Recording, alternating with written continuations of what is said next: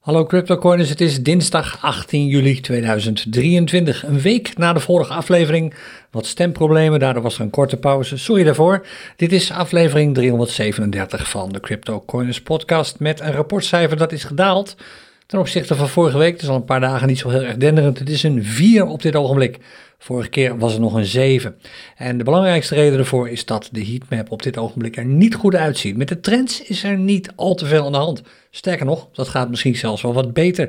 Zoals we zo meteen zullen zien als we naar de charts gaan kijken. Voordat we daarmee aan de slag gaan, even wat kort nieuws. En dat is het eigenlijk wel, dan de charts. En dan hebben we het weer gehad wat deze podcastaflevering betreft. Dan kan ik me gaan voorbereiden op de speciale QA die we vanavond doen. Een vraag-en-antwoord sessie in het kader van Binance stopt in Nederland. Want er zijn weer wat min of meer onverwachte ontwikkelingen op dat gebied. Zometeen alvast een beetje erover. Eerst eventjes um, het nieuws zoals ik al zei. Nou, vanavond dus een speciale Q&A. Als je daarbij wilt zijn, als je geabonneerd bent op onze nieuwsbrief of uh, als je hebt meegedaan aan de overstapweek, dan heb je waarschijnlijk al een mailtje in de mailbox. Zo niet, ga even naar www.cryptocorners.nl slash Binance stopt in Nederland. Daar zie je de link staan naar de speciale YouTube stream die vanavond, dus uh, dinsdagavond 18 juli, om half acht begint. En wat uh, Binance en het stoppen van Binance betreft, uh, er is een aantal dingen gewijzigd, natuurlijk ook wat cryptocoins betreft. Met name wat de cryptocoins scanner betreft. Die bevat nu een aantal nieuwe handelsplatformen, waaronder Maxi en Bitfavo. Die zitten allebei in het uh, Premium Silver account en hoger. En ook Qcoin en Bybit zijn inmiddels toegevoegd en die vind je ook al terug in Premium Bronze. Dus als je op zoek bent naar een ander handelsplatform, nadat je je hebt georiënteerd, en de beste plek daarvoor is gewoon die Binance Stopt in Nederland pagina, zou je kunnen overwegen om een of meer andere handelsplatformen te kiezen en daar je geluk te proberen. Het kan zijn dat je zometeen tijdens deze podcast een belletje hoort van Hypertrader, want ik ben op dit ogenblik aan het traden op Qcoin zelf alvast wat trades aan het doen ter voorbereiding op... Uh, de bijeenkomst morgen in het Crypto Coins Café, waarin we live gaan traden op Qcoin en misschien ook wel op Bitfavo. Dat allemaal morgenavond. Um, ja, dat was het wel wat uh, onze Binance Stopt in Nederland pagina betreft. Morgenavond, ik zei het al, CryptoCoins Café vanaf half acht, www.cryptocoins.nl slash café. En donderdagavond is Kevan er weer met het CryptoCoins Clubhuis. En die gaat ongetwijfeld charten en wellicht doet hij dat weer op Bybit, net zoals vorige week. Dan het nieuws van buitenaf. Paar dingen die we even hebben gemeld, uh, ook op uh, onze nieuwspagina www.cryptocoins.nl slash nieuws. Uh, TradingView, dat is de tool die je mij eigenlijk altijd hier in de podcast ziet gebruiken, waarmee ik de charts analyseer. Die, dat is best een dure tool, vooral als je het Pro Plus pakket wilt hebben. Maar ze komen met een mooie aanbieding. Die loopt op dit ogenblik en die aanbieding is alleen geldig voor mensen in Europa. Er zijn eigenlijk twee aanbiedingen, dus je moet zelf even kijken wat voor jou misschien de gunstigste is. Maar de kortingen zijn echt heftig. Dat kan oplopen tot wel 60 of meer procent op een jaarlidmaatschap. Dus als je altijd al een beetje met een schuin oog naar TradingView keek, is dit misschien de kans om voor relatief lage bedragen een lidmaatschap af te sluiten. Er werden wat vragen gesteld in onze trading chatgroep of je TradingView nodig hebt om te traden. Iemand antwoordde daar heel duidelijk op ja. Nou, het antwoord is naar mijn mening nee, dat bepaal je helemaal zelf. Als je gebruik maakt van de CryptoCoins daytrading strategie, dan heb je TradingView natuurlijk sowieso niet nodig. Maar als je meer wilt doen, als je wilt kunnen analyseren of als je andere tradingstrategieën gebruikt, dan kan het geen kwaad om ook TradingView in je portfolio te hebben. Dus Misschien wil je even een kijkje nemen op eh, www.cryptocoins.nl slash nieuws. Nou, dan nog meer nieuws en dat zei ik al even. Binance heeft een verrassende draai gemaakt. Daar werd ik zelf ook enigszins door verrast. Ik hoorde dat gisteren. Um, het was oorspronkelijk de planning, en dat stond ook heel duidelijk in de mail, dat je munten die je op Binance hebt staan, dus met name cryptomunten, eigenlijk tot in het oneindige kon blijven opnemen. Dat is veranderd. Uh, ik vermoed, dit is puur een aanname, ik heb dit niet van Binance gehoord, maar het kan bijna niet anders. Ik vermoed dat DNB voor de zoveelste keer weer heeft ingegrepen. En omdat Binance natuurlijk toch probeert om de relatie met DNB waarschijnlijk goed te houden, zullen ze hier ook wel weer uh, aan hebben toegegeven. Eh, DNB heeft waarschijnlijk tegen ze gezegd dat ze echt moeten sluiten. En dat betekent dat er ook geen munten meer op Binance mogen staan. En dit betekent voor jou effectief het volgende. Als je nog cryptomunten hebt staan op Binance, dan kun je daar vanaf 17 augustus, dus dat is gisteren over een maand, niet meer bij. Je wilt ze voor die tijd van Binance hebben afgehaald en of in een eigen wallet hebben gestopt of op een andere exchange hebben neergezet.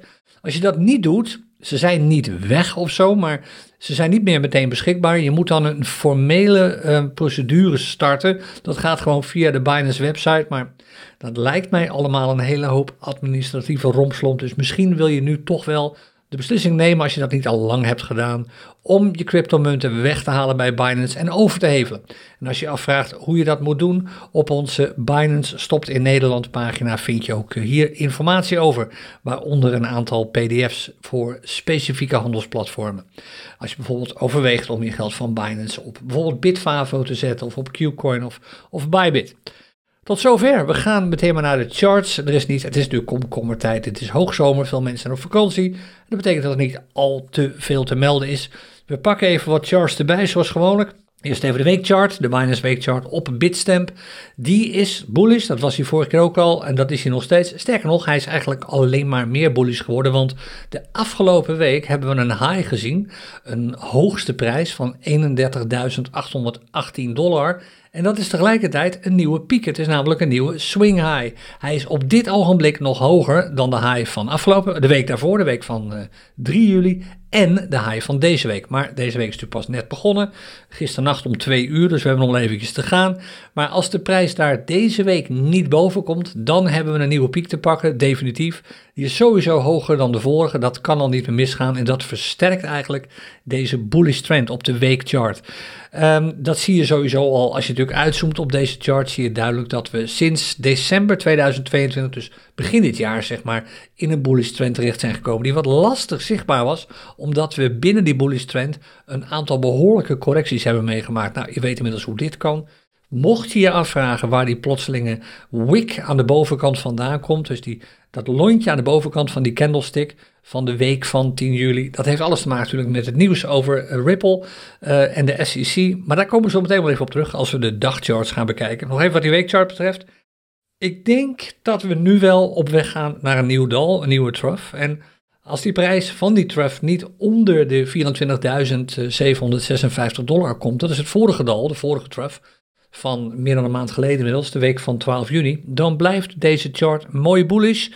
Maar we zitten nog steeds, en nu eigenlijk al een aantal weken op rij, aan te modderen tegen die piek van 31.800,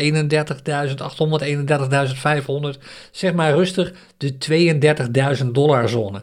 Als de prijs daardoorheen breekt, dan kan het echt hard gaan met de trend mee. Wat we niet willen zien, want zo volatiel is het wel, en dat zie je met name terug op de dagchart. Je wilt niet zien dat de prijs structureel daalt onder de 30.000 dollar. Echt structureel, dus een paar weken op rij. Dan kan het hard gaan op weg naar beneden. En dat is de reden dat er best nog wel veel analisten zijn die rekenen op prijsdalingen naar voor Bitcoin de 19.000, 18.000, 17.000 dollar zone. Het is iets om absoluut rekening mee te houden. Ik raak daar natuurlijk niet van in paniek. Het enige wat ik doe is daar rekening mee houden met mijn eventuele verkooporders desnoods een short positie nemen op de bitcoin die ik al heb, om ze voor een lagere prijs terug te kopen. Als het daadwerkelijk relevant wordt dit, als we dergelijke dalingen gaan zien, dan, of als er duidelijke symptomen komen dat dergelijke dalingen eraan zitten te komen, dan kom ik daar nog wel op terug eh, in de podcast. Dus de weekchart, die ziet er goed uit, die is mooi bullish. De OBV-indicator, de Unbalanced Volume Indicator, staat ook nog steeds keurig in het groen. De OBV zelf staat boven de zeg maar, signaallijn, het voortschrijdende gemiddelde van de laatste vijf OBV's. Keltner channels zijn mooi bullish, parabolic stop reverse, mooi bullish. Het ziet er allemaal eigenlijk gewoon heel erg prima uit. Hoe is het dan met de dagchart? Dat is een beetje een ander verhaal. En als het gaat zoals het eigenlijk heel vaak gaat, namelijk dat de dagchart een voorbode is van wat er op de weekchart gaat gebeuren, dan moet er nu wel daadwerkelijk een break komen. Als die niet komt, dan zie ik het wat sommetjes in voor die weekchart. We zitten nu, laten we daar eerst even mee beginnen. We zitten duidelijk in een zogenaamde trading range. In een zone waar de prijs eigenlijk de hele tijd heen en weer stuitert. En dat is aan de onderkant 30.000 dollar, aan de bovenkant 32.000 dollar, zo plus of min een paar honderd dollar. Je ziet dat de prijs daar nu al dagenlang eigenlijk voortdurend tussen beweegt. Maar een echte serieuze beweging van Bitcoin. En dat zou, omdat we toch te maken hebben met een bullish trend op deze chart, naar boven zijn, ja, dat blijft gewoon nog even achterwege. Het zag er even spectaculair uit. En dat zie je hier terug, de groene candle van donderdag 13 juli. Dat is overigens de laatste groene candle die we hebben gezien sindsdien. We hebben nu al vijf dagen op rij. Vandaag is het nog niet klaar, maar in ieder geval vier dagen op rij. Hebben we rode candles. Meestal is vijf rode candles wel het maximum. We hebben bij de Bitcoin chart wel eens een keer zes of zeven gezien. Nog niet eens al zo lang geleden, maar vijf is echt wel veel. En dat betekent dat we misschien zouden kunnen verwachten dat de prijs nu stabiliseert. Zou geen wonder zijn, want we zitten alweer in de buurt van die. We zitten eigenlijk op die onderste band van die tradingzone rond de 30.000 dollar.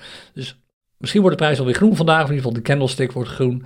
Maar die lange groene candlestick die we op 13 juli zagen en het enorme, uh, de enorme prijsopdrijving en ook van zo'n beetje alle altcoins was een rechtstreeks gevolg van het nieuws dat uh, de SEC zomaar had verloren. In ieder geval een gedeelte van de rechtszaak tegen Ripple.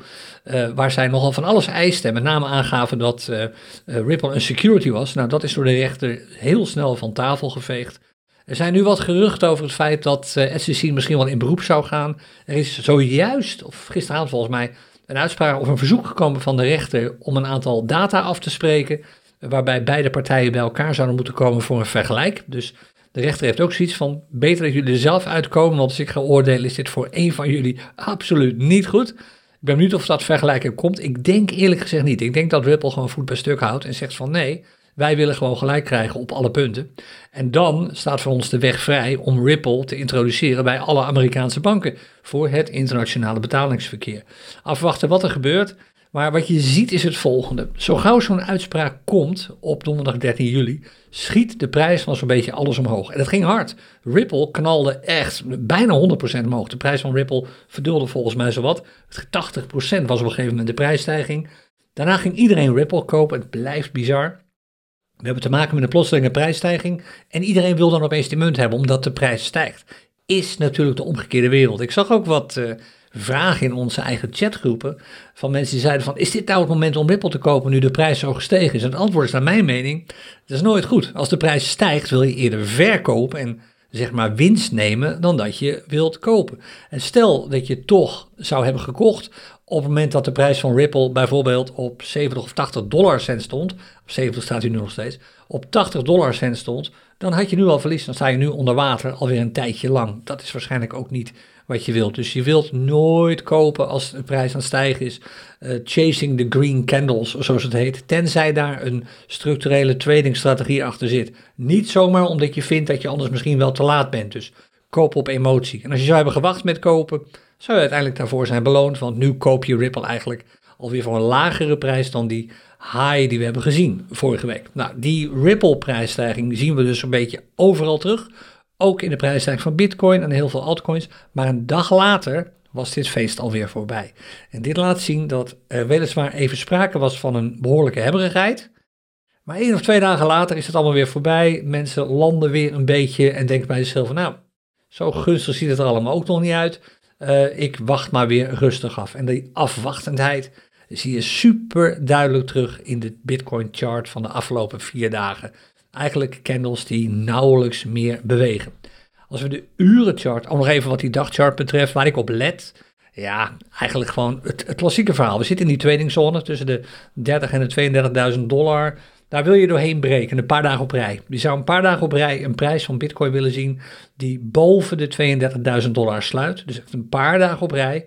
Of onder de 30.000 dollar sluit, ook een paar dagen op rij. Dan kun je gaan zeggen: hey, dit is een duidelijk signaal van een voortzettende bullish trend en misschien gaan we nu al naar de 35.000 toe. Of een inzettende bearish trend en dan kun je je voorbereiden op een flinke daling richting die MA200, de rode lijn die je hier ook ziet lopen als je meekijkt, rond de 5 à 26.000 dollar. Eerlijk gezegd, lettend op de trend, zou je toch eerder geneigd zijn nu bullish te denken. Ook als je kijkt naar het sentiment op de markt. Het gaat niet zo goed met de traditionele geldmarkten, zoals je weet. Dat maakt de weg voor crypto en met name Bitcoin natuurlijk een stuk vlakker. Het zou zomaar kunnen dat mensen toch uiteindelijk beslissen om eieren voor hun geld te kiezen en in Bitcoin, zilver en goud te stappen. Ja, dan ga je enorme prijsstijgingen meemaken. De meeste analisten en de meeste Bitcoin-experts die al wat langer meelopen, zijn eigenlijk van mening dat het kwestie van tijd is voordat de Bitcoin een enorme rally gaat meemaken. Maar ja, er zijn genoeg factoren van buitenaf op dit ogenblik die dat misschien even wat uh, uitstellen. Dan, dus Bitcoin blijft bullish. Waar ik op let, nog eventjes, MA50 hou ik in de gaten natuurlijk. Ik hou die trust in de gaten. En ik houd natuurlijk die OBV in de gaten. Want ik zei het al, we hebben te maken met een range op dit ogenblik. De prijs beweegt gewoon de hele tijd heen en weer. Maar kijk ook even naar die OBV. Op de dagchart is de Unbalanced Volume Indicator nu al sinds vorige week vrijdag negatief. Die is bearish. En je weet het, die OBV die heeft een behoorlijk sterke voorspellende waarde. Wat dat ding zegt, komt heel vaak uit. En op dit ogenblik zegt OBV dat we naar een bearish trend toe aan het gaan zijn. Dus je wilt die OBV-lijn door zijn eigen voortschrijdende gemiddelde zien heen breken. Zolang dat niet gebeurt, is de kans op dalingen groter dan de kans op stijgingen. Kijk, op de weekchart, nog even terugkomend, daar is de OBV nog steeds bullish. Is hij best al wel lang, al sinds ruim een maand, sinds 12, eh, de week van 12 juni. Op de dagchart is de OBV nu, sinds vorige week vrijdag, bearish. Is de zaak omgekeerd. Dat hoeft niet al te lang te duren. We hebben dat eerder gezien, uh, precies een week daarvoor ook al. En na een paar dagen keert het weer om naar bullish. Maar het moet wel even gebeuren. Kijk, je ziet nu echt een dalende rode lijn, een dalend voortschrijdend gemiddelde. En je wilt een stijgend voortschrijdende gemiddelde zien. En de laatste keer dat we dat echt overtuigend zagen, is eind juni geweest. Vanaf eind juni tot, de, tot en met de eerste week van juli. En de laatste keer dat het gebeurde, 10 juli, ook een stijgende lijn, was hij niet echt heel erg stijgend. Dat was eerder vlak te noemen dan stijgend. Nee, je wilt echt gewoon, als je wat terugscrollt op die chart, kun je dat ook zien. Je wilt echt duidelijke stijgende lijnen zien. Zoals in de periode van 15 juni tot uh, ongeveer uh, de 25 juni. En kijk wat er met de Bitcoinprijs toen gebeurde. Een parabolische stijging. En dat is dit op dit ogenblik niet. De MA-lijnen, die rode lijnen, zijn eerder vlak dan stijgend. Je wilt echt een stijgende lijn zien. Dus een doorbraak, die OBV moet door die rode lijn heen. Dat is signaal 1. En dan moet die rode lijn gaan stijgen. Dat is signaal 2. Pas dan kun je eigenlijk rekenen op snelle prijsstijgingen op die dagchart. Tot die tijd houd gewoon die OBV goed in de gaten. Dat doe ik ook. Hoe zit het dan met de urenchart? Die we er ook maar even bijpakken. Ja, daar zie je die contractie heel duidelijk. En hier zie je natuurlijk wat er gebeurde. Kijk, een enorme prijsstijging van Bitcoin. Dit was donderdagavond toen de, de aankondiging kwam van de, van, uh, uit Amerika dat de SEC geen gelijk kreeg bij hun uh, stelling dat Ripple een security was, een effect is, een waardepapier. Nou, dat betekende nogal wat. Heel veel handelsplatformen begonnen meteen Ripple weer te listen. Maar daarna kwam de desillusie. Opeens daalde de prijs van Bitcoin wat. Er kwam een behoorlijke short, een long squeeze zoals het heet. Veel uh, mensen zijn geld gaan lenen omdat ze dachten dat de Bitcoinprijs nog even door zou gaan stijgen. En hebben dus Bitcoin daarmee gekocht. Dat pakte verkeerd uit. De prijs van Bitcoin daalde eerder wat. En als gevolg daarvan verbrandde er, ik geloof, ongeveer 130 miljoen dollar aan eh, Bitcoin opeens heel snel. En dat levert een flinke daling op. Als gevolg van al die market orders die dan worden uitgevoerd. Nu zitten we, wat de urenchart betreft, min of meer in een zijwaartse beweging. En uiteindelijk nu weer een dalende trend. Dus de urenchart is eigenlijk op dit ogenblik al bearish. Met een plafonnetje zo in de buurt van de 30.000. Maar de prijs die gaat daar ook al onder. Je ziet op urenniveau is de prijs eigenlijk sinds afgelopen vrijdag al niet meer boven de 30.000 gekomen. Helemaal al niet boven de, in de, in de 32.000 zone terechtgekomen, waar we vorige week nog zaten. Dit moet als eerste veranderen. Op urenniveau ziet er gewoon heel veel niet echt prettig uit. De prijs duikt alweer onder de MA20. De MA20 staat onder de MA50 allemaal bewijzen van een doorzettende bearish trend.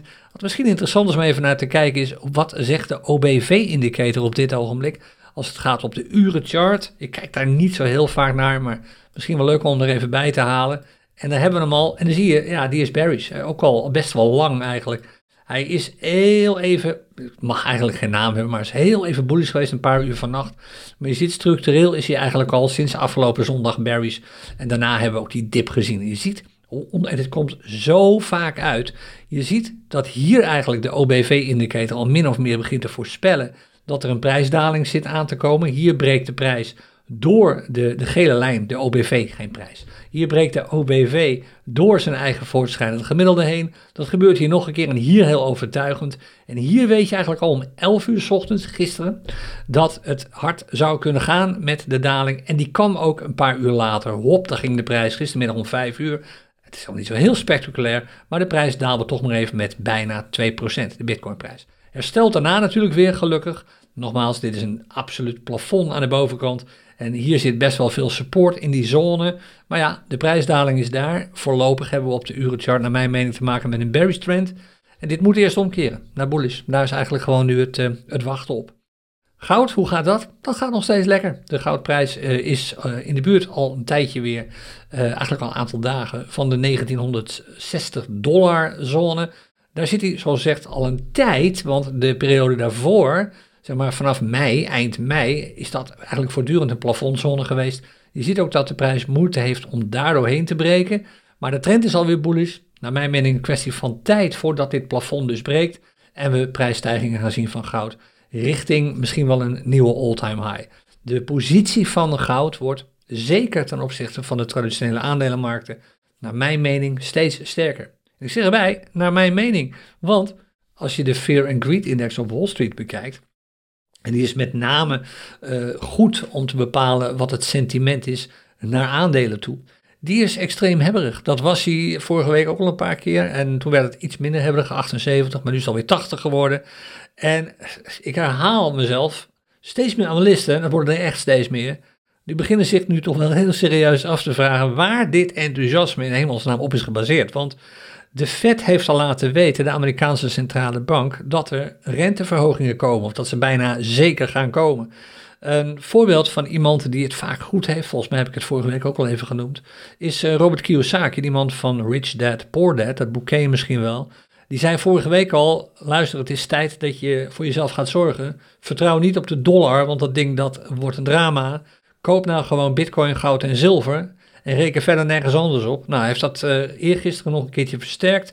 Toen heeft hij gezegd, aandelen, vergeet het maar, Amerika stevend af, niet op een recessie, want daar zit Amerika al in. Nee, op een hele sterke depressie. En dat is al een stuk ernstiger. Zorg dat je daar nou niet het slachtoffer van wordt. Wapen jezelf door bitcoin, zilver en goud te kopen. Los van wat je nu misschien hoort van Wall Street en over Wall Street. Want zo goed gaat het allemaal niet. En ja, ik zeg hetzelfde. Ik zeg eigenlijk al die prijzen van aandelen die er nu voor worden betaald, staan in geen verhouding tot wat die aandelen echt waard zijn. Dus dit is naar mijn mening een grote bubbel die eerdaags wel een keertje implodeert. Gewoon een kwestie van wachten. En dat kan wat langer duren dan we allemaal denken, maar imploderen, het kan niet anders of dat gaat gebeuren. Stel hè, er komt nu opeens waanzinnig goed nieuws en de, als gevolg daarvan wordt er meer geproduceerd. Ik zeg stel, want de kans dat dit gebeurt is gewoon bijna niet heel. Maar stel, er komt zo goed nieuws dat heel veel bedrijven opeens weer winst beginnen te maken. Structurele winst beginnen te maken. En we keren weer om, wat die bedrijven betreft, naar een positieve cyclus. Wat zou dan het resultaat zijn op Wall Street? Dat de Fear and Greed Index naar 100% schiet, wat een absoluut overmatig getal is? Dat kan al niet. Dat alleen geeft al aan dat dit niet kan kloppen. Extreme hebzucht van 80 op een schaal van 0 tot 100. Gecombineerd met heel veel bedrijven die het gewoon beroerd doen, is niet realistisch. Dus ik zou zeggen, kijk uit met wat je doet. Kijk uit met het nemen van, of het doen van, het trekken van elke conclusie op basis van aandelenprijzen. Want die prijzen zijn maar in heel weinig gevallen conform de feitelijke waarde van het bedrijf. En het worden er eigenlijk steeds minder. Oké, tot zover de Fear and Greed Index als het om echt geld gaat. Hoe zit het dan met de heatmap? Nou, die hadden we al eventjes um, genoemd. Dat is ook een, de oorzaak van um, het lage barometercijfer, dat is maar een virus. En dus even al, al die reclame toestanden hier even weghalen, die ik uh, eigenlijk voortdurend moet uitzetten. Er komen er ook steeds meer bij. Oh, deze is weer weg. Hier linksboven stond er ook nog een, die hebben ze weggehaald. Zo, ja, die is weg. Oké, dit is de, ah, staat er weer eentje. Nog eentje, zo, weg ermee. Dit is de heatmap. Als je niet meekijkt, uh, ik kijk naar een roze scherm met hier en daar wat uh, donkerrood erbij. Uh, de Solana-dip is min of meer nog een nasleep van wat er vorige week gebeurde. Want toen door de SEC, um, of toen de SEC geen gelijk kreeg, en zei dat, of toen de, de rechter dus zei dat um, Ripple geen commodity is, geen effect is, geen waardepapier. Toen had dat niet alleen impact op de prijs van um, Ripple, het had ook bijna alle altcoins stegen, maar het had een hoge impact op munten zoals Solana en Cardano, die ook door veel analisten, of eigenlijk door de SEC, werden genoemd als uh, commodities, wat door veel analisten vervolgens weer werd afgewezen. Nou, Daar is nog steeds geen concrete uitspraak over, maar ze liften eerst mee. De prijzen daarvan stegen enorm. Maar ja, ook die prijzen hebben te maken met een soort deceptiegevoel dat er nu is. Mensen zijn min of meer teleurgesteld dat die prijsstijgingen niet zijn doorgegaan richting wat Bitcoin betreft bijvoorbeeld de 35.000 dollar. Er is gewoon niet genoeg volume om die prijsstijgingen te, te waarborgen. En als gevolg van dalen de prijzen weer ook weer als gevolg van allerlei long squeezes, waarin mensen geld lenen om bijvoorbeeld Solana te kopen of Cardano te kopen. Vandaar dat Solana op de heatmap gewoon donkerrood staat. Nou, kwestie van tijd, want met de fundamentele waarde van dergelijke munten is natuurlijk gewoon helemaal niks aan de hand. Dit is puur een prijsverhaal. En dit is puur, je weet het met prijs, puur emotie. Niets anders dan dat. Hoe is het dan met de barometer en met de trend van de CryptoCoin scanner? Um, even voor je beeldvorming. Ik weet het, Binance is weg uit Nederland. Binance is gestopt in Nederland. Je kunt als Nederlander die in Nederland woont niet meer op Binance handelen. Maar Binance bestaat nog steeds. En Binance is nog steeds het handelsplatform met verreweg het meeste volume. En dat betekent dat ik ook, omdat je eigenlijk altijd appels met appels wilt blijven vergelijken, dat betekent dat ik ook um, gewoon Binance blijf gebruiken als graadmeter als het gaat om hoe gezond de handelsmarkt is. Nou, laten we beginnen met het handelsvolume. Ik noem dat getal meestal even. Ik kijk dan naar Hypertrader, een tool die je kunt gebruiken om te traden. Hoeveel Binance charts, Bitcoin charts hebben een handelsvolume van meer dan 50 dollar, 50 dollar, 50 bitcoin. En dat aantal is wat gestegen, het zijn er 21 op dit ogenblik. En dit is een beetje conform wat je ook leest als je kijkt naar Glassnode en zo, het lijkt erop dat de inflow, geld dat handelsplatform weer binnenvloeit, begint te stijgen. Mensen worden, raken weer wat geïnteresseerd om te gaan traden. Nou, Binance laat dat zien in de vorm van die 21 muntparen, bitcoin muntparen met een handelsvolume dat groter is dan 50 bitcoin. Uh, dus dat blijven we ook gewoon gebruiken. En ook de barometer en de trends, daarvoor blijven we gewoon Binance gebruiken. Kijk, als jij handelt op een ander handelsplatform, bijvoorbeeld op Qcoin, je ziet mijn scanner staat op dit, op dit ogenblik aan voor uh, Qcoin meldingen. Ik vermoed dat je zo meteen trouwens van een belletje gaat horen, want ik lijk af te steven op een bijkoopactie. Je ziet relatief veel meldingen voor deze uh, dagcoin komen, die natuurlijk niet echt dag heet. Um, maar los daarvan, de barometer voor Qcoin kan een heel ander beeld geven. Dus je wilt altijd, als je op Qcoin aan het traden bent, even de barometer voor eh, Qcoin zelf opvragen. Dat doe je bijvoorbeeld zo, barometer Qcoin. Dan krijg je automatisch, je kunt ook Qcoin intikken de feitelijke Qcoin Bitcoin barometer de meldingen. Want de barometer voor Binance, de standaard barometer voor Bitcoin, kan, en dat doet hij hier ook, hele andere cijfers laten zien. Heeft alles te maken met een fenomeen dat wij arbitrage noemen. En de muntparen die zijn gelist. Qcoin heeft heel veel muntparen, veel meer dan Binance heeft. Veel lager volume, maar hele andere muntparen. Dat levert ook een andere barometer op. En naar mijn mening wil je eigenlijk altijd de barometer van het platform waar je op handelt in de gaten houden. En niet per definitie de barometer op Binance als je daar niet op handelt. Maar als het om het globale plaatje gaat, kijk ik daar altijd wel naar. En de barometer op Binance op dit ogenblik staat er gewoon niet goed voor. Dus houd dat een beetje in je achterhoofd. Als je nu aan het traden bent, uh, dan wil je uitkijken, want de kans op prijsdalingen is groter dan op prijsstijgingen. En als je bijvoorbeeld op Qcoin aan het handelen bent, dan heb je dat vandaag al gemerkt. Het volume neemt af. Het is al niet spectaculair hoog, maar het volume neemt wat verder af, het handelsvolume. Ook de volatiliteit is flink teruggelopen. Kijk, sinds gisteren om deze tijd zijn de prijzen, de gemiddelde prijzen van muntparen op Qcoin niet gestegen en gedaald tegenover Bitcoin. En dat geldt ook voor de gemiddelde prijsdaling of stijging het afgelopen uur, die is gelijk gebleven. En de gemiddelde prijsdaling over de afgelopen vier uur is een klein beetje. Oftewel, hieraan zie je al de Qcoin barometer dat er op Qcoin op dit ogenblik nou, gemiddeld gezien nauwelijks volatiliteit is. En dat levert dus ook relatief weinig meldingen op. Kijk, sinds ik ben begonnen met de voorbereidingen van de CryptoCoin Scanner, dat was ongeveer hier, uh, om 10 uur vanochtend, ik heb daarna wat andere dingen gedaan, zie je dat er eigenlijk nauwelijks meldingen zijn gekomen. Ik heb mijn uh, uh, instapmeldingen voor de scanner niet zo streng staan. Ik geloof, ik geloof dat ik een minimum volume van misschien 5 of 2 bitcoin of zo, echt super laag. Even kijken wat mijn uh, meldingen zijn. Volgens mij 2 bitcoin, alles groter dan 2. Ja, volume moet groter zijn dan 2 bitcoin. Je kunt op zich, en het, ga je, het gaat je misschien nu verbazen wat ik nu zeg, zelfs met een zo laag volume nog steeds traden. Alleen je wilt gewoon rekenen op trades die langer duren. Dus je wilt misschien per trade wat beter kijken naar je eventuele stoploss scenario's. Dat je misschien uh, wat meer risico kunt nemen en met wat minder uh, van je portfolio instapt. Zodat je wat meer trades tegelijk doet. Maar het is prima te doen. Het is, uh, je zou denken van, hé, hey, ik kan helemaal niet meer met bitcoin traden. Nu het volume zo laag is geworden, omdat we op die handelsplatformen zoals Qcoin aan de slag moeten. Maar in de praktijk, als je je trading methode een beetje aanpast, je blijft gewoon dezelfde strategie gebruiken, maar je doet meer dan 1 trade tegelijk op een wat langer interval, gaat het vaak prima. Kijk, dit is een melding die nu net binnenkomt op Qcoin op een 5 minuten chart. De chart is eigenlijk gewoon voor bijna 100% bullish. En dat, je zou eigenlijk gek zijn als je deze trade gewoon niet pakte. Het handelsvolume is dus laag, dus als je veel te verhandelen hebt, dan kun je niet anders dan in veel trades tegelijk, tegelijkertijd bezig zijn. Dat is nu eenmaal het is. We gaan trouwens proberen morgenavond in het café om op Qcoin te traden. Al is alleen maar bewijs van voorbeeld. En misschien ook op Bitfavo, want ik zei het al, Bitfavo zit nu ook in de CryptoCoin scanner. Als je zilver of gold gebruikt, kun je ook voor Bitfavo kiezen. Bijvoorbeeld in combinatie met de euro.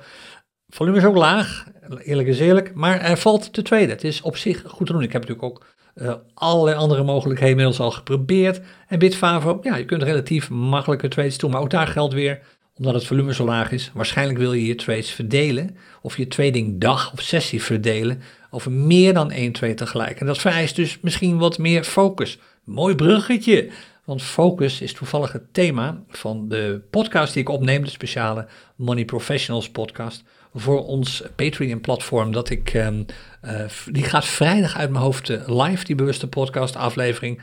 Als je interesse hebt om te denken als een money professional en je kent ons Patreon-platform nog niet, misschien wil je er gewoon eventjes een kijkje nemen. En wat Patreon betreft, volgende week dinsdagavond zijn we live op Patreon met een speciale vraag- en antwoord sessie voor uh, money professionals.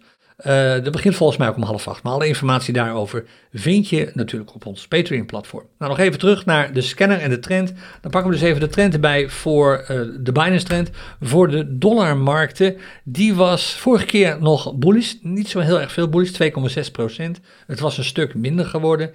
En op dit ogenblik is het 3,8% bullish. Het neemt dus toe. De vorige keer dat ik deze trend opvroeg, dat was een uurtje van half geleden, was het nog 3,4% bullish. Nu is het inmiddels 3,8% bullish geworden. En de trend voor de Bitcoin-markten op Binance, die was uh, bearish vorige keer, die was 5% bearish zelfs. En dat is veranderd, dat is beter geworden. Dat uh, is omgekeerd naar volgens mij 7 of iets meer procent zelfs. Ja, 7,2% bullish op dit ogenblik. Dus dit is gunstig. De trend hobbelt natuurlijk altijd wat achter de prijs aan. Maar de prijs loopt eigenlijk vervolgens min of meer mee met de trend. Dus dit is niet zo slecht, maar eigenlijk wil je gewoon waarden zien van minimaal 30%. Dus een Bitcoin trend van 30% of meer, dat is waar we eigenlijk op zitten te wachten. Een dollar trend van 30% of meer, dat is eigenlijk waar we op zitten te wachten. En zover is het op dit ogenblik nog niet. Tot zover. We hebben hem gehad, deze eerste aflevering na een week van de CryptoCoins podcast. Misschien zie ik je vanavond. De link is www.cryptocoins.nl slash Binance stopt in Nederland. En anders sowieso morgenavond bij de volgende aflevering van het CryptoCoins Café. Tot dan, happy trading. Dag.